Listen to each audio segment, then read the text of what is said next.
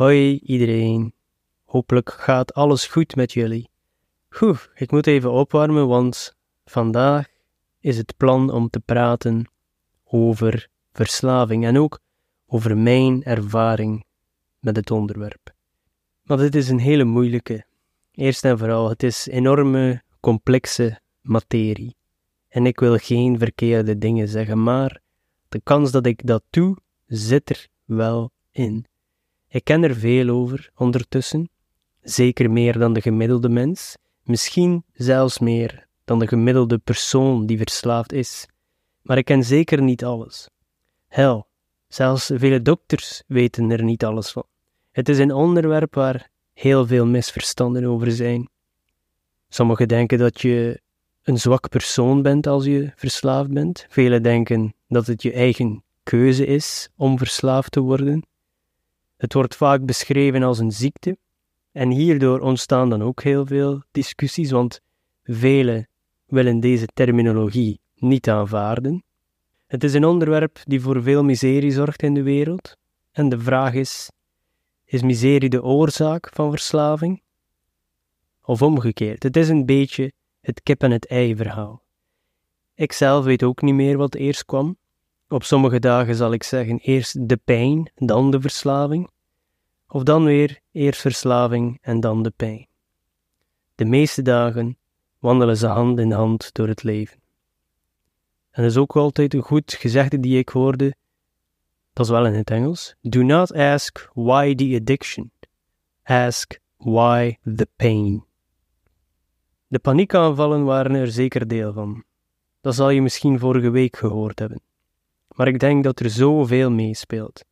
Het is ook een deel genetica. Van sommige mensen zit een bepaald gen in hun DNA, waardoor ze verslavingsgevoelig kunnen zijn. Anderen kunnen dan perfect dagelijks drinken zonder ooit fysiek verslaafd te worden aan alcohol. Dus voor mij is het onmogelijk om één iets aan te duiden bij mij persoonlijk van ja, dat is de oorzaak. Het is een combinatie van vele dingen. En vooral, het is niet over één nacht gegroeid. Heel lang was ik een sociale drinker, net als iedereen die graag feestjes deed met vrienden, terrasjes, een pintje, bij de barbecue, een glaasje cava in het ziekenhuis bij de geboorte van een kind. ja, oké, soms ging het erover, maar wie in deze westerse wereld heeft dit als jongere niet gedaan? En misschien zit daar ook een deel van het probleem. Alcohol in onze maatschappij is te makkelijk verkrijgbaar, te sociaal geaccepteerd. En dat is een mindset die moeilijk te veranderen zal zijn. En het is ook niet echt mijn missie om dit te doen. Meer het bewust maken van misschien is het toch allemaal niet zo onschadelijk alsof we het laten uitschijnen. Dat is misschien meer mijn missie. En ik denk dat we dat allemaal wel weten, dat het niet zo onschuldig is, ergens diep van binnen. Zelfs al willen we het niet toegeven. En de mensen die hierover in de verdediging schieten als ik erover praat, dan weet je het zeker dat het niet zo onschuldig is. Maar wat is nu de definitie van verslaving en komt dit overeen met mijn persoonlijke ervaring? Officieel is de definitie verslaving is het onvermogen om te stoppen met het gebruik van een middel of het vertonen van een bepaald gedrag, ook al kan dit psychologische of fysieke schade aanrichten. Dat is kort samengevat, maar komt eigenlijk wel overeen met de realiteit en mijn ervaring, uiteraard. Kan hier heel veel aan toevoegen of context bij gegeven worden. En dus mensen die zeggen dat het een eigen keuze is, ja, het is een keuze om zelf te beginnen drinken, net zoals vele Belgen en Nederlanders die keuze gemaakt hebben om een feest te doen of een pint te drinken bij een barbecue. Maar heb ik gekozen om verslaafd te worden? Nee, dat niet. Maar ik heb het al vaak gezegd, ik ben er dankbaar voor. Het heeft veel pijn en miserie opgeleverd, maar het heeft me ook gebracht tot waar ik nu ben. En mocht het nooit gebeurd zijn, dan waren er geen boeken. Simple as that. Maar over dat keuzeaspect. Als je tijdens de verslaving enkel de gedachten krijgt over drank, dan worden uw keuzes zwaar gelimiteerd. Het is zoals kiezen tussen de pest en cholera. oké, ik kies de pest, ja, ik heb gekozen, maar veel keuze had ik niet. En heb ik wel controle over mijn gedachten? Heb jij controle over jouw gedachten? Heb je jezelf nooit betrapt op een gedachte waarvan je zegt: Oh nee, hoe kan ik dat nu denken, zo erg? Ik zal je even laten nadenken. Nee, niks, geen gedachte, of wel? Of had je net nu zo'n ervaring? Heb jij gekozen dat die gedachte in jouw hoofd kwam? Of is dit door hetgeen wat ik nu zei? En maak jij dan de keuze om er naar te handelen? Als ik nu zeg: gelijk wat je doet, maar denk niet aan een hond. Waaraan denk je nu? Een andere oefening. Ik vraag jou drie favoriete films. Wat zijn jouw drie favoriete films? Hoogstwaarschijnlijk zullen jouw hersenen nu een lijst van films oproepen die je recent hebt gezien, of films die een sterke emotie bij jou oproepen. En dan zal er gefilterd worden tot je bij de drie favorieten komt. Maar misschien was er een film te kort in die eerste lijst met films die je wel hebt gezien. Maar ben je het vergeten of kwam het niet meteen ter gedachte? Als ik nu zeg Titanic, Jurassic Park, Indiana Jones, The Devil Wears Prada, The Notebook, dan zou het heel goed kunnen dat jij zegt: Ah ja, juist die was ik vergeten. Misschien moet ik toch een van die films bij mijn top 3 voegen.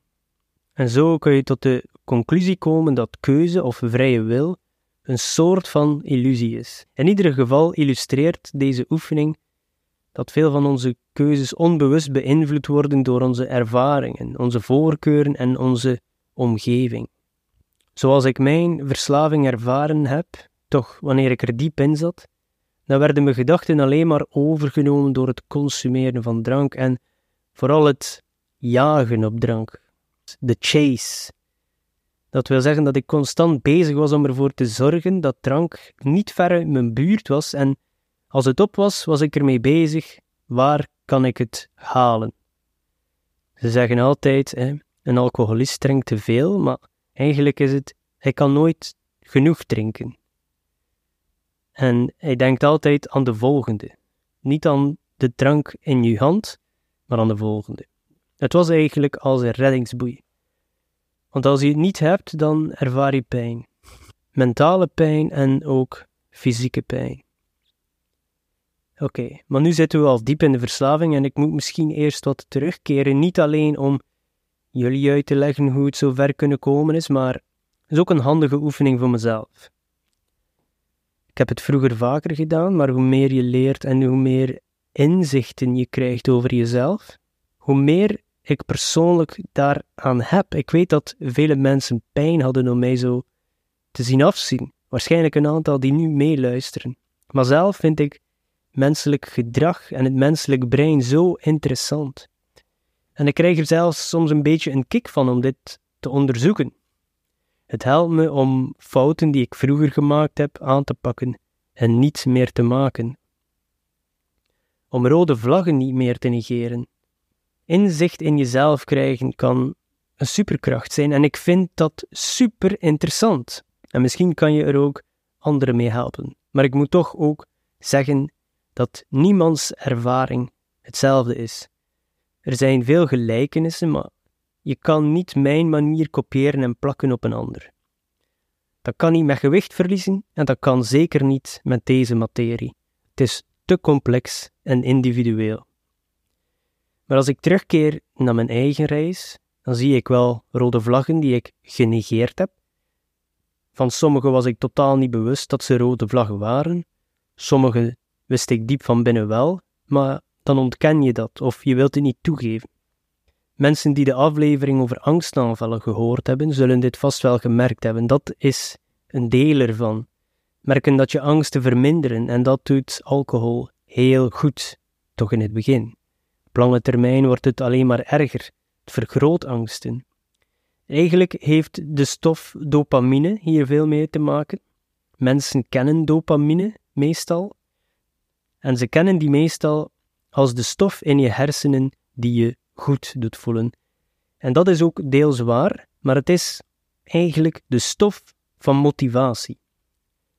Als we gemotiveerd zijn om iets te willen of iets anticiperen, dan wordt er dopamine losgelaten door de hersenen.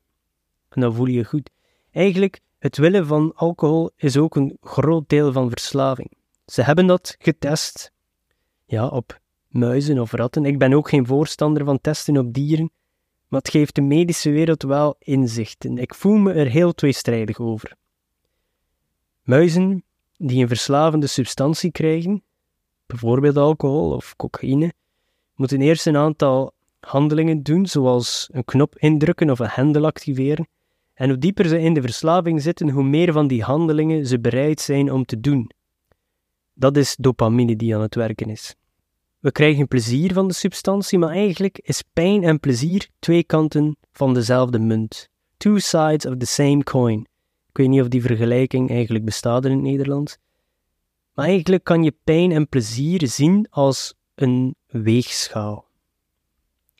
Zodra je iets van dopamine binnenkrijgt door iets leuks te doen of door een substantie te nuttigen, dan wordt er dopamine losgelaten in je bloedsomloop, in je hersenen. Dan ervaar je plezier, omdat de weegschaal aan de kant van plezier meer doorweegt. Maar het menselijk brein en lichaam wil eigenlijk altijd terug naar de baseline, naar de balans waar ze daarnet waren, om ze alle twee op gelijke hoogte te brengen, pijn en plezier. Dus het mechanisme wordt teruggeforceerd en dan kan de weegschaal weer naar beneden vallen. Wat er vaak gebeurt is dat de pijnkant iets meer doorweegt naar beneden voor even tot het weer op gelijke hoogte hangt. Maar als je dit soort gedrag herhaalt, of die substanties op regelmatige basis nuttigt, dan heb je meer nodig om evenveel plezier te ervaren, maar meteen daarna komt de pijn van het niet hebben van die stof. Dus plezier wordt telkens minder en de pijn telkens groter, tot je op een moment zelfs geen plezier meer hebt aan drank of dat type gedrag en enkel de pijn blijft over. En dan gebruik je enkel nog om geen pijn meer te ervaren. meeste mensen zullen dat in mindere mate al ervaren hebben. Bijvoorbeeld, je hebt een chocoladereep. Je eet een hapje. Chocolade zorgt ook voor dopamine, maar niet langer na wil je meer. Dit is omdat de zogenaamde pijnkant van de weegschaal iets onder uw originele balans zat. Dus je neemt weer een hap. Chips, snoep, met al deze dingen kan je dat ervaren. Want die substanties zoals alcohol, cocaïne, heroïne dat gewoon honderd keer meer.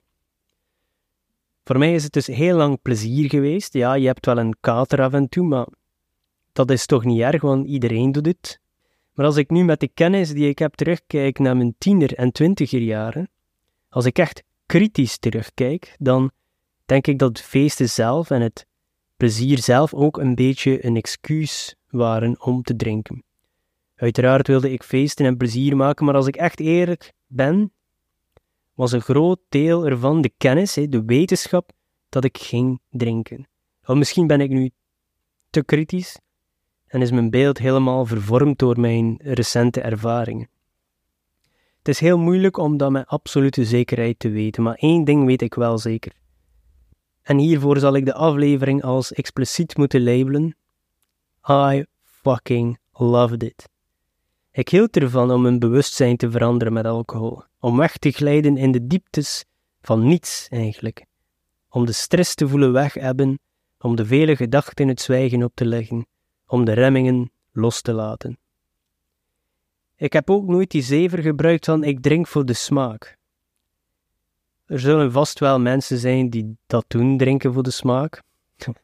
Maar volgens mij is het vooral een excuus om te kunnen zuipen. En sorry dat ik misschien nu wat grof overkom, maar soms moet je een standpunt innemen. Ik ben geen bullshitter. Beter opstaan voor wat je gelooft dan in het grijze midden verloren te raken. Ik zei altijd: ik drink om dronken te worden, niet meer, niet minder. En dat was waarschijnlijk een rode vlag.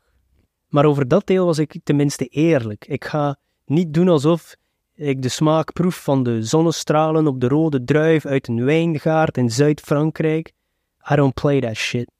Ik drink, ik word dronken. Simpel. Dus ik ging graag uit En dat ging goed, tot ongeveer mijn 30, denk ik. Misschien ervoor was het ook al een beetje minder. Ik zeg wel goed. Natuurlijk waren er minder momenten, de angstaanvallen die ik had, waren zeker soms vergroot door een avondje te veel feesten. Maar ik had nog geen lichamelijke verslaving. Ik dronk één avondje in het weekend. Kater de volgende dag en in de week gingen we terug werken en het weekend herhalen we dat weer. Ik had nog geen fysieke verslaving. Maar ik denk wel dat er al sprake was van drankmisbruik doorgans mijn carrière. En misbruik is een verschil van verslaving. Mensen die binge drinken één keer in de maand, dat is misbruik, maar dat is nog geen verslaving. Ik was wel een van die mensen en dat was zelfs op wekelijkse basis en dat kan dan sneeuwballen in een verslaving.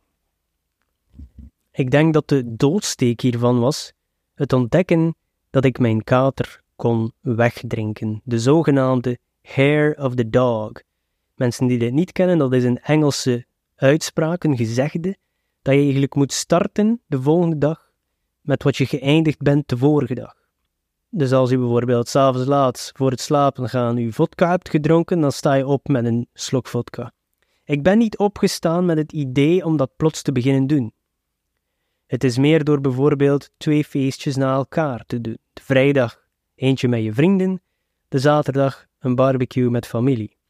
Je staat op met een kater en loopt daarmee rond tot de middag en dan merk je bij die eerste pint bij de barbecue dat uw hoofdpijn weggaat, dat uw angsten weggaan.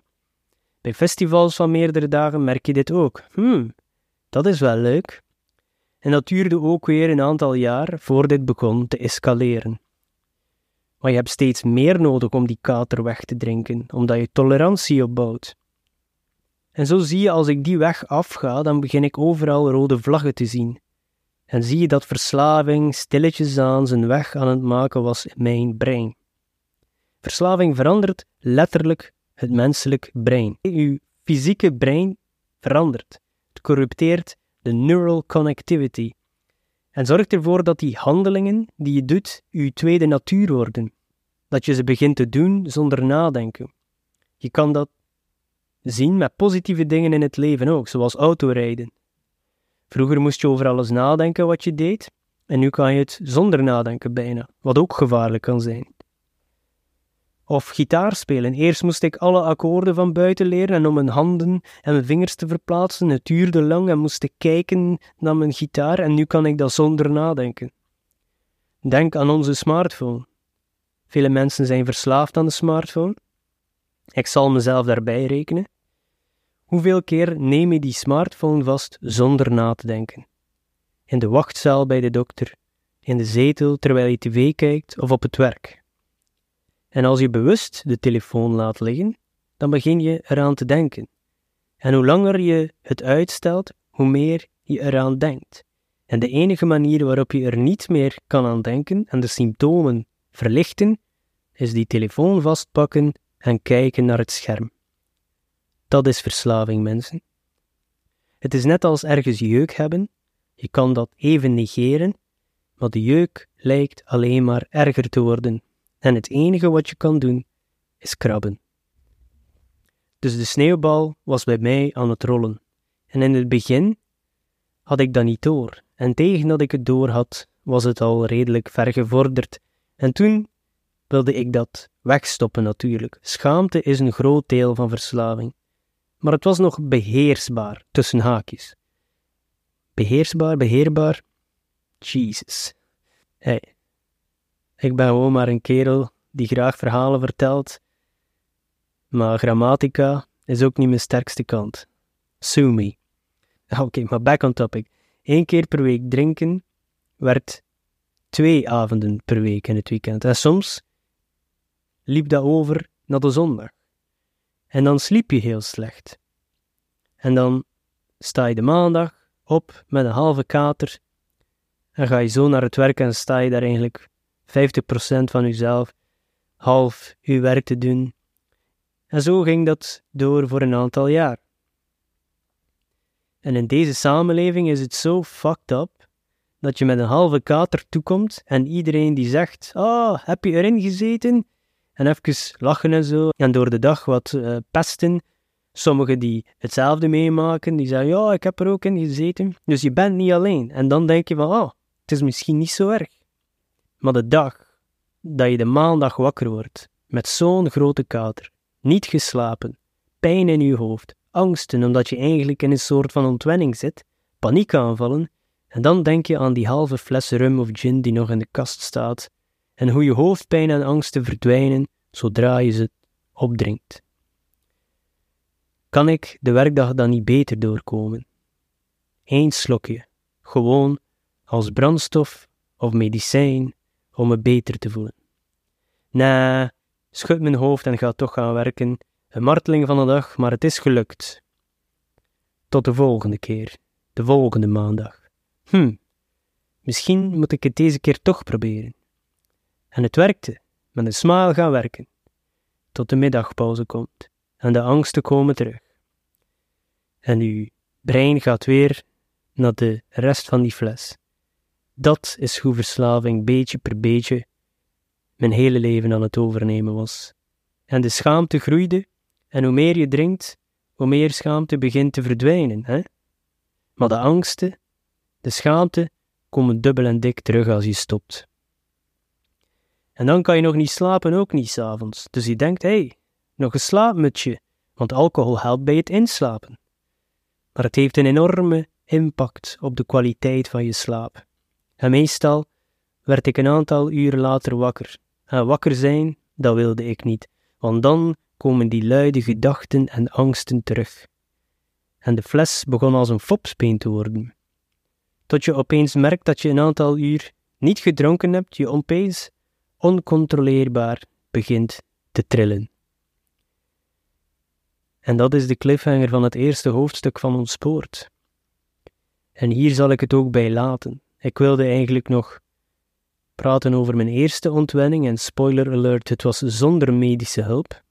Ongelooflijk dom en een helse ervaring. Ik denk een van de ergste dingen die je menselijk brein kan meemaken, toch een van de meest schrikwekkende dingen. Misschien voor volgende week. Ik wist eens dat ik de sluizen opende over dit onderwerp, dat ik ging mondsporen. Dus ik weet niet of er iets van rode draad in zat, rode vlaggen zaten er alvast in, of dat je iets meer geleerd hebt over hoe verslaving in elkaar zit, hoe het werkt, en hoe het kan sluipen in een mens zijn wezen over verschillende jaren. It's crazy. And it's powerful. Ik ben blij dat ik aan deze kant ben geraakt. Hoe precies, dat weet ik niet. Ik hoop dat ik het ooit kan verwoorden. Tot volgende week. Wees niet te streng voor jezelf. Ciao.